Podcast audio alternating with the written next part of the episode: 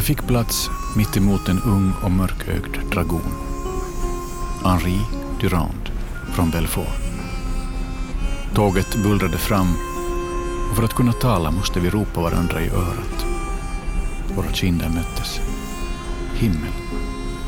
Hans varma andedräkt på min bleka kind, som blivit blek av bara längtan efter kärlek, som fick en högre rodnad och våra läppar möttes i en lång och brinnande kyss.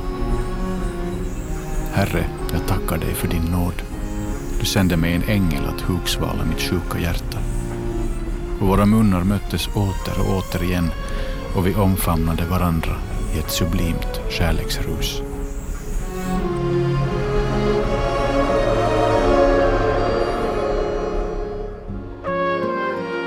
Länge så har man kanske varit intresserad av till exempel Tove Jansson och, och Tom och Finland och, och kanske liksom hängt queer-historien på det.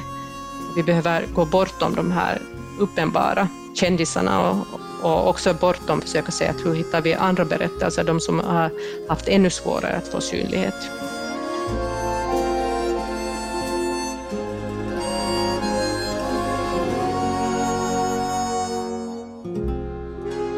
Det här är programmet Den queera historien i Finland är mer än Tove Jansson och Tom av Finland. I essäsamlingen Queera minnen undersöker litteraturforskaren Rita Pakvalén det samkönade begärets historia i Finland och i synnerhet i Svenskfinland. Hon har skrivit om bland andra Harald Galén, eller Gallen, vars dagbok vi hörde lite ur här i början. Ja, om hur livet som queer kunde te sig förr och hur relaterar det livet till vår kulturhistoria? Och varför är det viktigt att lyfta fram den här dolda sidan av vår historia? Välkommen till Dokumenterat, säger jag, Mi Vegelius.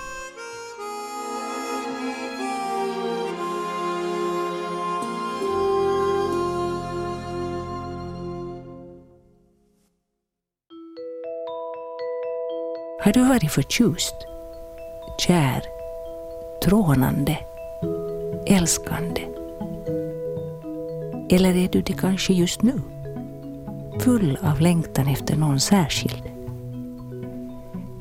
I den grekiska filosofen Platons dialog Gästabudet från 300-talet före Kristus så beskrivs dragning mellan människor som indelat i kvinnor som enbart vill ha kvinnor, män som enbart vill ha män och män eller kvinnor som enbart attraheras av det motsatta könet. Och det sista beskrivs här som det absolut lägsta, alltså det när någon enbart attraheras av det motsatta könet. I vårt samhälle har det i sin tur länge uppfattats som normbrytande när kvinnor älskar kvinnor och män älskar män eller när kvinna eller man är förmögen att älska både kvinna och man. Samtidigt har det också alltid funnits personer som är sådana. Det vill säga alla sorter har existerat genom tiderna. Litteraturforskaren Rita Pakvalén har velat undersöka varför spår det här som idag kallas queer-historia har satt i vår kulturhistoria och speciellt i Svenskfinlands kulturhistoria. Samtidigt är det spår som väldigt ofta är svåra att hitta eftersom det är en historia som har, har varit censurerad och att det faktiskt är en historia som är alldeles alltså utraderad i många fall, bortsopad. Det är liksom det som vi som jobbar med den här historien kämpar med att försöka hitta. I boken Queera minnen essäer om tystnad, längtan och motstånd. Lyfter Rita Pakvalén nu fram konturerna, om inte mera, till flera kvinnor och en man som har levt queera liv kring sekelskiftet 1800-1900. Sitt forskningsmaterial har hon bland annat från Nationalbiblioteket och Svenska litteratursällskapets arkiv. Men hon berättar också att det är många berättelser som jag burit på eller som har kommit till mig via olika vägar och, och en av dem är, är, min egen släktsberättelse och det handlar alltså om ett kvinnopar som levde, levde i början av 1900-talet, födda på 1800-talet och, och var sjuksköterskor. Min morfars moster den allra första gången jag hörde om min morfars moster var det sista året som min morfar levde och vi stod i köket och han plötsligt började prata om Selma Lagerlöf och berätta att hon var ju en sån. Och sen så nämnde han det här kvinnoparet. Och jag hade själv just hittat min livspartner och, och hade inte kommit ut till min släkt, men jag tolkade den här situationen som en, ett sätt för honom att meddela mig att, att det var okej okay, och att sådana som jag finns i min släkt och finns i, i vår historia, vår gemensamma historia och som en del av vårt kulturarv.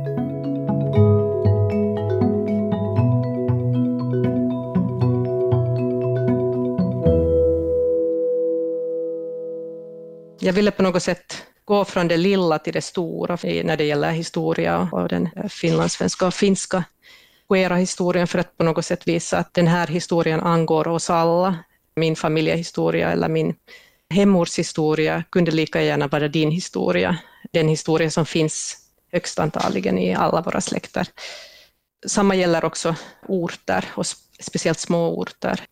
Min hemort Ekenäs, eller jag flyttade till Ekenäs som tio år gammal, kändes som en ganska liten ort när jag bodde där och det kändes som om det fanns bara ett sätt som man kunde vara på. När Rita Packalén så arbetade på Ekenäs museum stötte hon på en bild tagen av en kvinnlig fotograf på 1800-talet. Först sa bilden henne inte så mycket.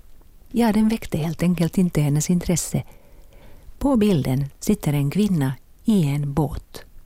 Och bakom den här båten så ser man Ekens kännspaka skyline med kyrkan och så vidare. Men senare fick jag reda på att den här fotografen var en norsk fotograf som hade flyttat till Ekenäs i slutet av 1800-talet och att man mycket, mycket senare, långt efter hennes död, upptäckte en låda vad det stod privat på med ganska intressanta bilder med mycket sådana könsöverskridande och normbrytande uttryck. Många av de här bilderna är självporträtt av Marie Hög, men också av hennes väninna, hennes partner, eller bilder på hennes partner Bolette Berg. Och på många bilder så är Marie Hög, ja hon har mustasch på sig eller har sådana här mycket bylsiga, ganska maskulina, könsneutrala ylleunderkläder. Och nu ska vi komma ihåg att det här är början av 1900-talet. Marie Hög har dessutom kort hår. På en del bilder så sitter Marie Hög och Paulette Berg eh, i en båt och, och röker. Men de använder också sina vänner som statister, så att på en bild så, så står en man utklädd i kvinnokläder och, och Marie Hög och jag tror att det eventuellt är, är Bolette Bergs bror. Men de är alltså i det motsatta könets kläder. Så att så det är mycket sådana här lek med kön, lek med roller, också med kvinnorollen och överskridande av kvinnorollen, vad som är möjligt. Eh, och de är jättetidiga för sin, alltså jätteunika och speciella för sin tid. Också i ett europeiskt och internationellt perspektiv så är de unika.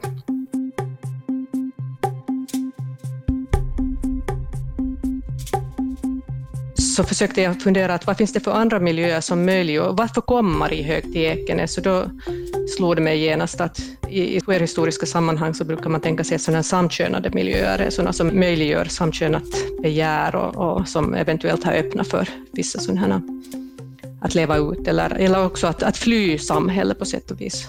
Och i Ekenäs finns det många sådana miljöer.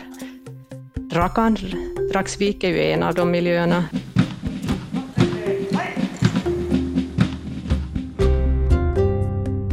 I till exempel den tidigare textilfabriken och i Ekenäs fanns lärarinneseminariet långt in på slutet av 1900-talet. Där gick också många av Finlands tidiga svenskspråkiga kvinnosakskvinnor. Och i det queera sammanhanget återfinner Rita Pakvalén en person som ändå inte direkt har varit osynlig i vår historia. Henne kallar Pakvalén en renässansmänniska av stora mått den blivande landtagskvinnan Vera Hjelt, som vid sin död för övrigt kom att bli en av de verkligt få kvinnor i Finland som har förärats en statsbegravning. Ja, hon alltså utbildade sig som lärarinna och hörde till de första kvinnliga lärarinnorna som också tog en slöjd, alltså träslöjdsutbildning i Sverige och hon tog sedan den här träslöjdsutbildningen till Finland och, blev liksom en pionjär i slutet av 1800-talet för träslöjden i Finland. Och som träslöjdslärarinna insåg hon att hon behöver material och slöjdbänkar så hon grundade och blev chef för ett sågverk. Här blev hon bekant med arbetarkvinnornas villkor och då skrev hon böcker om det och i början av 1900-talet blev hon Finlands första kvinnliga yrkesinspektör med arbetarskydd på agendan. Något som sen ledde henne in på att bli en av de första kvinnliga landtagsledamöterna. Och hennes livsverk det kom att bli det i europeiska mått stora socialmuseum som hon grundade i Helsingfors i början av 1900-talet. Vera Hjelt levde alltså i över 20 år, levde hon med samma kvinna, Fanny Tavastjärna, och sen hade de en utvidgad familj bestående av olika kvinnor och vänner och också en yngre kvinna som, som var inneboende hos dem. Och det är ju hemskt viktigt att komma ihåg att, att den tid som vi talar om nu, en tid var man kunde bli dömd för att vara homosexuell eller leva ut sin homosexualitet. Um, och för att bli fast för det. Och periodvis så har det varit ganska svårt. Uh, kanske lite svårare för män, men också kvinnor har blivit dömda i Finland, så att också kvinnor var rädda för att bli fast. Det är något på 80 kvinnor som har blivit dömda och över tusen män som har mm. blivit dömda. Ja. ja. Och Veras livskamrat är alltså Fanny Tavastjärna. Men då kommer en yngre beundrare in i bilden, vilket gör Fanny svartsjuk. Och för Vera i sin tur så betydde det här Vera var ju en, en, en offentlig person, så att hon var säkert också mycket mån om sitt rykte. Det har en, en släkting till en av hennes väninnor äh, har en del brev bevarade som Vera ville att skulle förstöras, men uppenbarligen inte blivit förstörda. Det var en Victoria Heikel som beundrade henne hemskt mycket och bara lyssnade på hennes föredrag och de började brevväxla. Uppenbarligen så blev Vera ganska förtjust i den här yngre kvinnan och, och skickade passionerade brev och skickade också dikter och annat som hon skrev. Det här kan vi veta eftersom den här yngre kvinnan, Victoria Heikel, skrev om allt det här i brev till sin syster. Och, och i dem så berättar hon om den här passionen och relationen. Och, och... Så hur förhöll sig Victoria till Veras uppvaktning? Mm, Victoria var väl, å ena sidan så verkar hon lite eh, smickrad. Smickrad över den uppmärksamhet. Victoria hade ju inte på det viset liksom en, en så stor egen karriär och Vera Hjelt var ju en, en stor kvinna, en viktig kvinna i samhället. Uh, Victoria, hon är ju gift och hon har svårt med, med de här kärleksbetygelserna och beskriver, beskriver de här ömhetsbevisen som, som lite motbjudande. Bland annat så här skriver Victoria till sin syster. En sådan smäktande smekande, overklig tillgivenhet sliskig.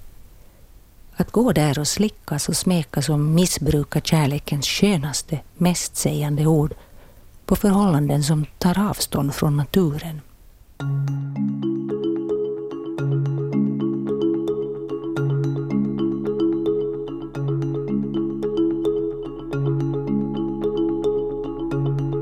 Men hon fortsätter ju hon fortsätter att upprätthålla ju den här brevväxlingen. Det berättar ju säkert också någonting.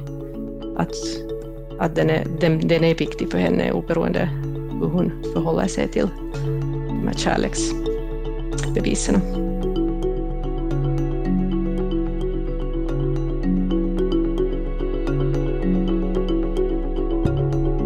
När det gäller kvinnorna så har mycket material förstörts men men du hittar en som det verkligen finns mycket material om eller av också väldigt oförblommerad, mera öppen då. Ja, det är Harald Gallen, eller Gallén beroende på vem som talar.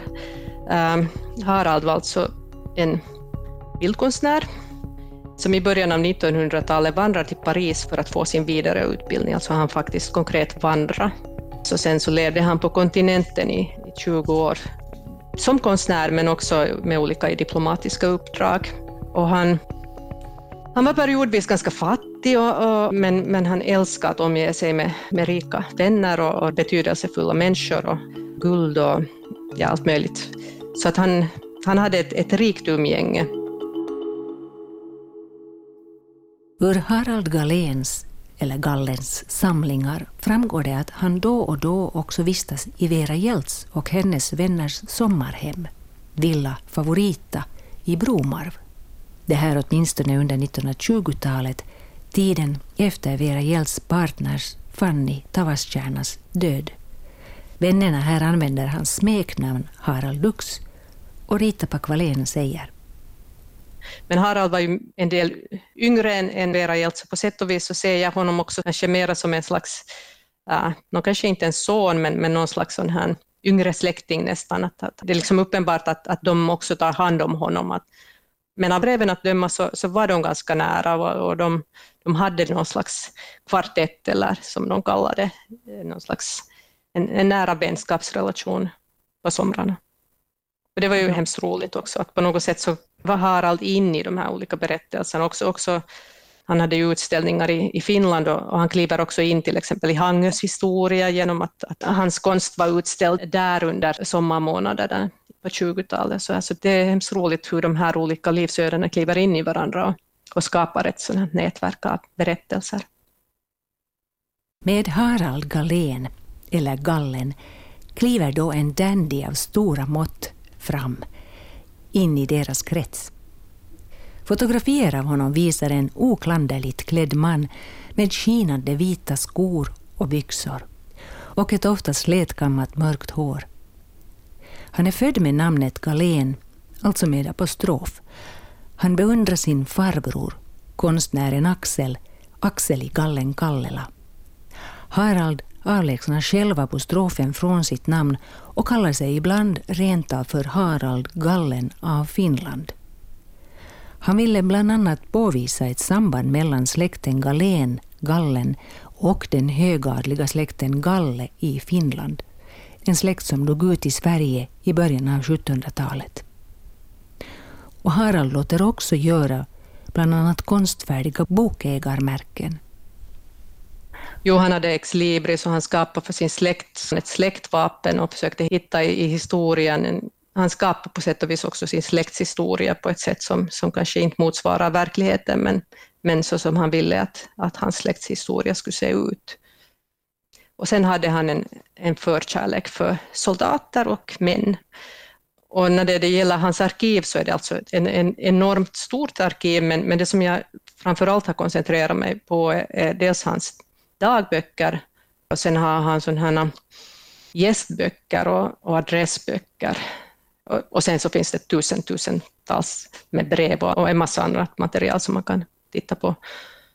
Och de här dagböckerna från, från början av 1900-talet till 1920-talet, äh, eh, de är så otroligt öppna när det gäller homosexualitet och det, det, är också skrivet på ett sådant sätt att han, han börjar med att ge någon slags en sån här teaser med att säga att okej, okay, att, att om du läser det någon gång, ja, jag, jag vet inte om jag vågar skriva det nu, men att vi får se.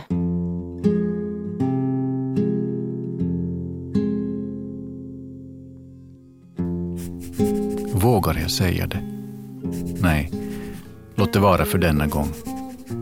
Vad jag ej säger ut som ord skall som idéer och innehåll framgå ur vad jag skrivit och så byggs det upp en sån förväntan att snart så kommer han att berätta om det här och det här är i början av 1900-talet. Och så kommer han sen att, senare i samma dagbok att, att benämna sin egen kärlek och, och faktiskt tala om sin egen homosexualitet med de rätta termerna. Se, det behövs ett visst mod, en kraft att säga ut det. Eller som jag, att skriva det i mitt levandes historia. Men varför hålla detta hemligt som är den röda tråd som går genom mitt liv? Som är den nyckel som öppnar alla dörrar till hemligheternas gemak i mitt liv. Om man vet att jag är homosexuell så vet man även att värdera mig med alla mina fel och de få förtjänster jag äger. Och på sätt och vis också en terminologi som inte ännu i den tiden var, var så vanlig. Folk var inte så insatta i den här terminologin, så att det visar också att han var insatt i, i de sexologiska diskurser och diskussioner som fördes på kontinenten. Och han är hemskt explicit också i sina skildringar av sexuella möten och möten på tåg och, och, ja, och mörka rum och så vidare med, med, olika soldater runt om i Europa. Och han läser ju på, han skriver ju och läser på, på både franska och, och tyska och, och är flytande åtminstone på fyra språk, om inte fem. Hans ögon brann av en helig eld. Mitt hjärta slog hastigt. Jag trodde knappt att det var sant, så lycklig var jag. Och så försökte vi vila vardera på sin bänk. Men ständigt och ständigt lutade vi oss till varandra för att ännu få en droppe av kärlek. Det var en brudnatt som jag ej upplevat. Och Herren ska veta att jag intet ont gjort därvid. Jag har blott älskat av själ och hjärta. Ja, min kropp var även med. Men det var hans vilja. Klockan fem var tåget till Belfort. Ännu en sublim kyss och Henri Durand gick bort. Måhända ser jag honom aldrig mer. Det gör mig ont, men jag har ändå minnet kvar. Se, här är det.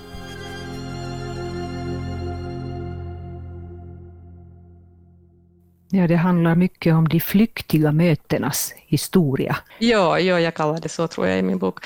Uh, alltså han skildrar ofta just den här möten på tåg eller någon soldat som han träffar på en parkbänk och, och sen går i en gränd eller går till ett hotellrum. Eller, och det, jag har också talat med några släktingar till honom som, eh, som berättar att han också i Helsingfors lär ha, ha alltid försvunnit i slutet av middagen ifall ett skepp kom till Helsingfors lastat med matroser, så vi kan ju titta på dem. Så att han, han var verkligen intresserad av soldater. Och, och sen i hans, i hans material så hittar jag faktiskt en hel del soldater också, också i hans dagböcker och äh, gästböcker och, och sånt här. Under vägen var jag i sällskap med en marinsoldat med stor blå krage. Han var härlig. Vi talade om synden. Jag tryckte hans mjuka hand och såg djupt i hans ögon. Men längre kunde det ej gå än. Skönt vi vore ensamma i vagnen. Han var gift. Men han förstod väl att synden ej är synd, utan olika sätt att känna. Han var för allt detta mycket sympatiskt känslig och hade själv varit med om mycket före sitt giftermål. Jag höll predikan för vår sak och han lovade minnas mig. Han berättade om Pierre Loti som han kände personligt och att denne älskade sina marinsoldater av allt hjärta. Pierre Loti är marinofficer. Det är naturligt att han älskar dessa unga sjöhelgon, han som så underbart har sjungit deras lov i Mon frère Yves. Författaren och sjöofficeren Pierre Loti skrev på 1880-talet den autofiktiva romanen Mon frère Yves. Ja, det där var ju ett intressant möte för att synden är alltså en omskrivning av homosexualitet i, i dagböckerna. Men att Eh, Harald Gallén skriver ju, eller Gallen, använder ju också homosexualitet som begrepp, så att det handlar inte bara om omskrivningar, men, men ofta när han samtalar med någon, när han refererar till ett samtal, så talar han om synden, att de talade om synden. Och i det här mötet så skildras ju också det här att Låti, som omnämns, är också en författare av en roman som har homosexuella eh, sexualitet som tema. Och, och just den här referensen till böcker är ju någonting som man i den queera historien också, också har använt när man, man vill kolla att är du, är du också en sån, då kanske man använder någon roman som säger att man har läst den, det här är en, en jättebra roman, har du läst den? Och så kollar man vilken slags reaktioner, och så då, då kan man få veta också vem, om, om den andra är också en, en sån. Men synden, ja, det är ju också intressant med Harald, det är ju att han, han var ganska troende och hans tro var ganska färgad av sådana här starka känslor och, och, jag tror att han var ganska fascinerad också av katolicism och så. Och, och då när vi talar om synden så har han en e- helt egen syn på vad som är möjligt och vad som inte är möjligt.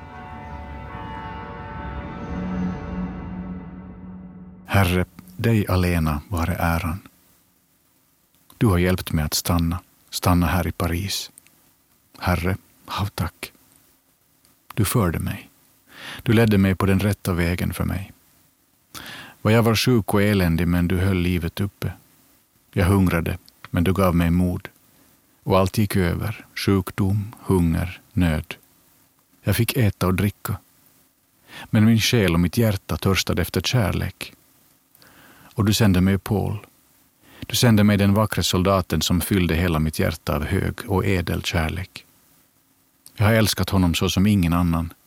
Så har jag tryckt mina läppar till hans, så omfamnat honom, kysst hans kropp. Och han älskade även mig. Han gav mig kärlek i gengäld. Ty han kände som jag en underbar och märkvärdig känsla av kärlek i hjärtat. För kvinnan blev honom inte övrigt. Hans kropp och själ voro för mig.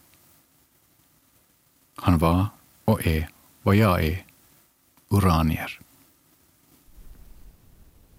Termen uranier myntades av den tyske aktivisten Karl Heinrich Ulrichs och med den avsågs en person med ett kvinnligt psyke i en manlig kropp. Vid slutet av 1800-talet användes ordet som en beteckning bland annat på män som var sexuellt attraherade av andra män. Om ovanstående bibelfärgade citat så skriver Rita Pakvalen att det är ett ganska typiskt exempel på hur Galén rättfärdigar sitt homosexuella begär. I sin dagbok skriver han återkommande om hur han genom att bejaka sin homosexualitet uppfyller Guds vilja och hur männen som kommer i hans väg är av Gud sända. Så att han ser homosexualitet som någonting som Gud har sänt. Alltså att när, när de här soldaterna kommer till honom så är det ju Guds gåvor till honom och, och då är det, det som han kan göra är att han bejakar det som Gud skickar åt honom. Så att om Gud har inlagt i hans hjärta eh, homosexuellt begär så, så då är det liksom Guds gåva till honom och då, då ska han vara tacksam och, och bejaka den här, den här gåvan. Och ett sånt här intressant exempel på hur det här katolicismen kommer in i hans texter är att han använder begreppen nihilobstat, som inom den katolska kyrkan är ett sånt här ett slags kravmärkning av böcker. Så när man har skrivit en bok så kan den katolska kyrkan gå igenom den och, och, se om den uppfyller kyrkans läror. Och om den uppfyller kyrkans läror så ger man märket nihilobstat som betyder inga hinder föreligger. Och, och det här nihilobstat använder han själv, alltså överallt i sina dagböcker, i sina gästböcker, på sina exlibris och ofta i sammanhang där någon man har kommit på besök. Då kan det stå så där triumfatoriskt, nihilobstat. Och det här har jag tolkat på basen av hur de, de här nihilobstat-uttrycken finns i hans texter. Att det, det är på sätt och vis ett sätt för honom att visa att det här är, det här är okej. Och också en, kanske en kod för mig som läsare, att nu har det varit någon som har varit på besök som eventuellt har, mötet har kanske varit erotiskt eller kanske, kanske bara det att, att de är två män som älskar män. Så det, det är ju ganska spännande att hur han tänjer på det här i en tid var, var det definitivt en stor synd hur han tänjer på det här begreppet och, och liksom ser det tvärtom som Guds vilja och också någonting som, som är nihilobstat. Men hur var det med hans egen tolerans? Var han alltid tolerant? Ja, det, det är ju spännande. Han, han, han skriver en del om till exempel prostitution uh, och det fördömer han alldeles uttryckligen. I Milano träffar Harald Galén en man vid namn Albert Schlichtig från Zürich och dennes vän som vill föra dem på avvägar till kvinnohål, till lättsinniga och smutsiga glädjeflickor. Den 4 maj 1907 antecknar Harald. Jag satte mig emot med hela min kraft av sedlig iver. Och med framgång naturligtvis.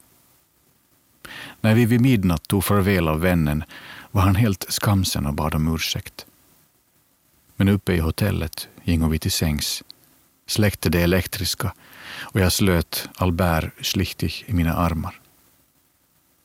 Den följande morgonen kände jag ännu en gång hans unga varma kropp tryckas mot min. Ännu en omfamning, ännu en kyss och vi gingo ner för att frukostera. Och äh, han, han beskriver alltså sådana möten med sina vänner äh, antagligen heterosexuella män som han håller predikor för att det här inte går för sig. Men, men däremot ska man ju fundera på att äh, vilken var hans relation till alla de här soldaterna? Att var det så att han kanske gav dem lite pengar eller kanske han bjöd dem på mat och kanske gav dem en liten gåva? Att var, var, de, var de här mötena alldeles ömsesidiga eller kanske det fanns, för soldaterna var ju ganska fattiga på den tiden ofta.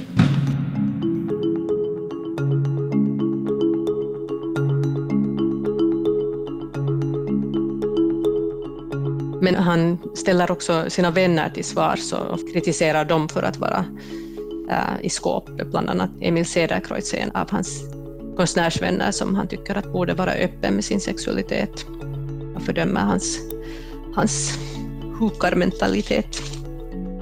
Jag tror att det, här, det har hemskt mycket med hans personlighet att göra och hans, hans märkliga tolkningar, eller märkliga, jag menar i mitt tycke alldeles fina tolkningar av, av kristendomen och, och, och, och religionen och så vidare, men, men den är ju liksom den är ju ganska speciell, hans, hans syn på Guds vilja. Så att, men han mår ju också periodvis dåligt, så att, att han tvekar och, och så vidare. Så det handlar ju också om hur han försöker liksom framställa sig själv också. Så att det är väl hans överlevnadsstrategi också inför sig själv, är att han ser det som en, en, liksom en, inte bara en viktig del av hans egen personlighet, utan också en, en del som i högsta grad är påbjuden och viktig och moraliskt korrekt. Det är, det är ju inte så att han är, han är bortom normen, utan han har sitt eget normsystem som han delar in andra människor i och, och fördömer och, och godkänner människor utgående från de här då, olika ramarna. Och sen när han talar om olika män så, så han är alldeles oförstående till till exempel feminina män. Han tycker att männen ska vara maskulina och, och han har svårt med homosexuella som är feminina. Så, att, så att där är hans gränsen för hans tolerans. I en annan dagboksanteckning, också från våren 1907, så jämför han den mer feminina manligheten med prostitution. I Rom som i alla andra italienska städer är herrarna oändligt kvinnliga och ostentativa på ett osympatiskt sätt. Jag är ju väl av dem som önskade fritt språk vad vår homosexuella kärlek beträffar. Men en så långt driven kvinnlighet saknar smak och liknar prostitution.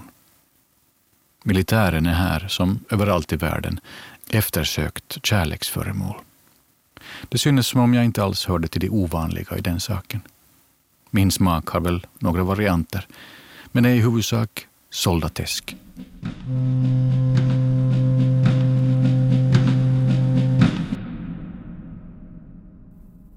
Det att Harald Galen eller Gallen, att han då var så pass öppen som han var. Ibland har jag en känsla av att han vill framstå som mer öppen än vad han i, i grund och botten är. Ja, det här skymtar också fram i beskrivningen av ett möte som Harald har med sin vän Gertrud Prokopé i Paris. Hon undervisar där i massage och sjukgymnastik på en sjuksköterskeskola och så här formulerar Harald sig efter att de firat julafton tillsammans. Julafton firade jag hos Gertrud Prokopé. Märkligt att fröken P först då lät mig höra vad hon för över ett år sedan hört genom finnar. Min perversitet eller min inversion. Jag blev blek och hela min kropp darrade. Hjärtat upphörde att slå. Vad göra? Jag bekände, helt enkelt, helt naturligt. Det var det bästa och hon förstod mig som en ädel kvinna kan förstå och förlåta.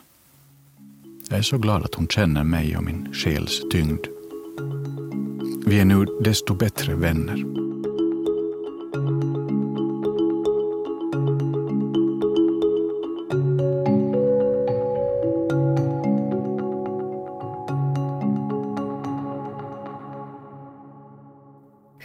Men hur vill han själv helst bli sedd? Ja, han har ju han vill ju bli sedd som en stor konstnär och en viktig person i, i historien. Så att, och det är speciellt intressant. Jag har ju jobbat ganska mycket också med att gå igenom testamenten och, och hur människor vill bli beskrivna och sedda och så här. Och Harald har ju skrivit tre olika testamenten och, och i början, det första testamentet, så testamenterar han sina e- ägodelar till släkten. Och på sätt och vis så handlar det också om att han, eller så som jag ser det, så det är nästan som att han skulle vilja bli en sån här anfader för en sån här, liksom, det stora gallenska eller galenska släktet. Äh, på samma sätt som han bygger upp och försöker skriva sin, livs, eh, sin släktshistoria med, med att fabricera, hitta på olika saker, så, så vill han göra sig själv också till en slags, på sätt och vis en slags queer-föregångare kanske, om man så vill. Men sen i det sista testamentet så, så är det inte mera släkten som ärver honom, utan det är flera av hans vänner som ärver honom, också nog släktingar, men, men speciellt hans nära vänner som ärver honom. Och i det testamentet beskriver han också hur han vill bli begraven. Och det kanske berättar mest om hur han vill att släkten och han ska ses. Alltså han vill att det ska byggas ett mausoleum och en kista, en sarkofag och han tar då modell för Karin Månsdotter som finns begravd i Åbo domkyrka, så det är liksom inte små saker som han använder som förebilder. Och han beskriver också hur hans vapen ska placeras och var det ska placeras. Och han beskriver äh, mausoleumet som ett lite anspråkslöst mausoleum, men vi, vi förstår ju att ett mausoleum aldrig är ett anspråkslöst. Och han vill alltså ha glasmålningar i mausoleumet som ska allegoriskt berätta om höjdpunkter i hans liv och när han har träffat kungligheter och när han har vandrat i Paris och, och så här.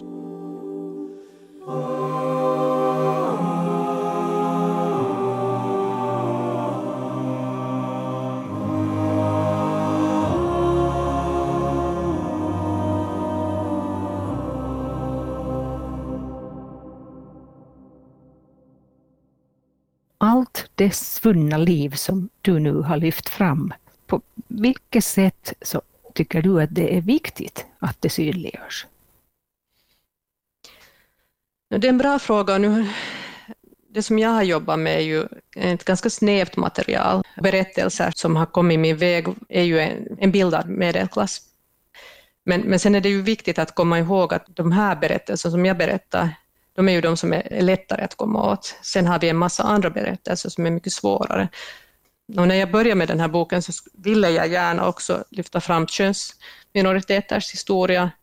Och sen finns det en massa andra spår, arbetarbefolkningens berättelser som är också ganska osynliggjorda just ur det här perspektivet, och andra minoriteters berättelser inom minoriteten.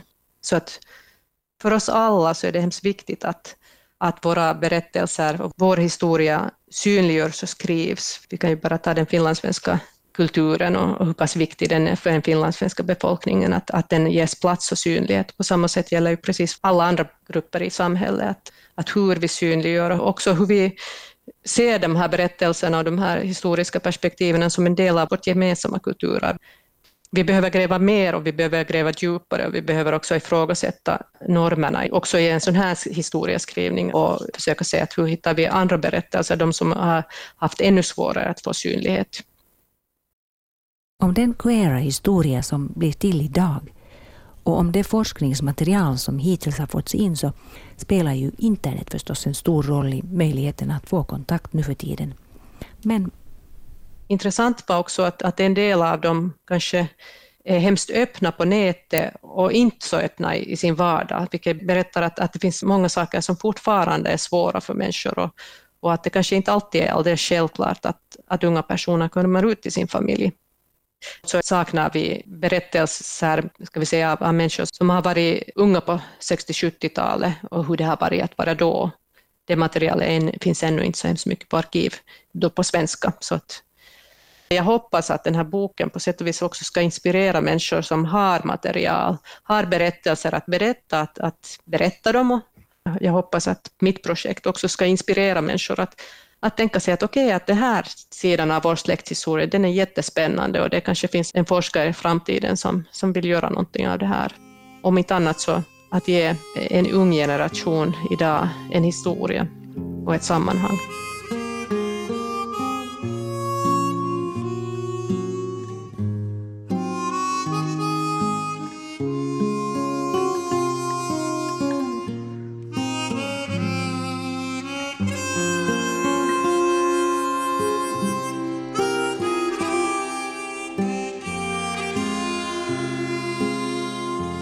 Det här var programmet Den queera historien i Finland är mer än Tove Jansson och Tom och Finland.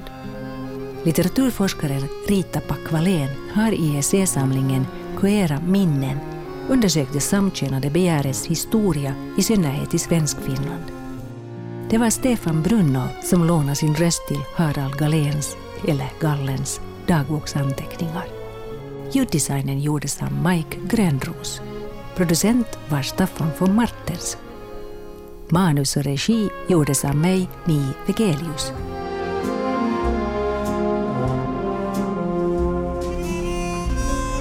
Jag fick plats mitt emot en ung och mörkögd dragon. Henri Durand från Belfort.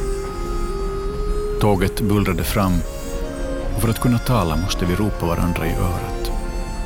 Våra kinder möttes. Himmel.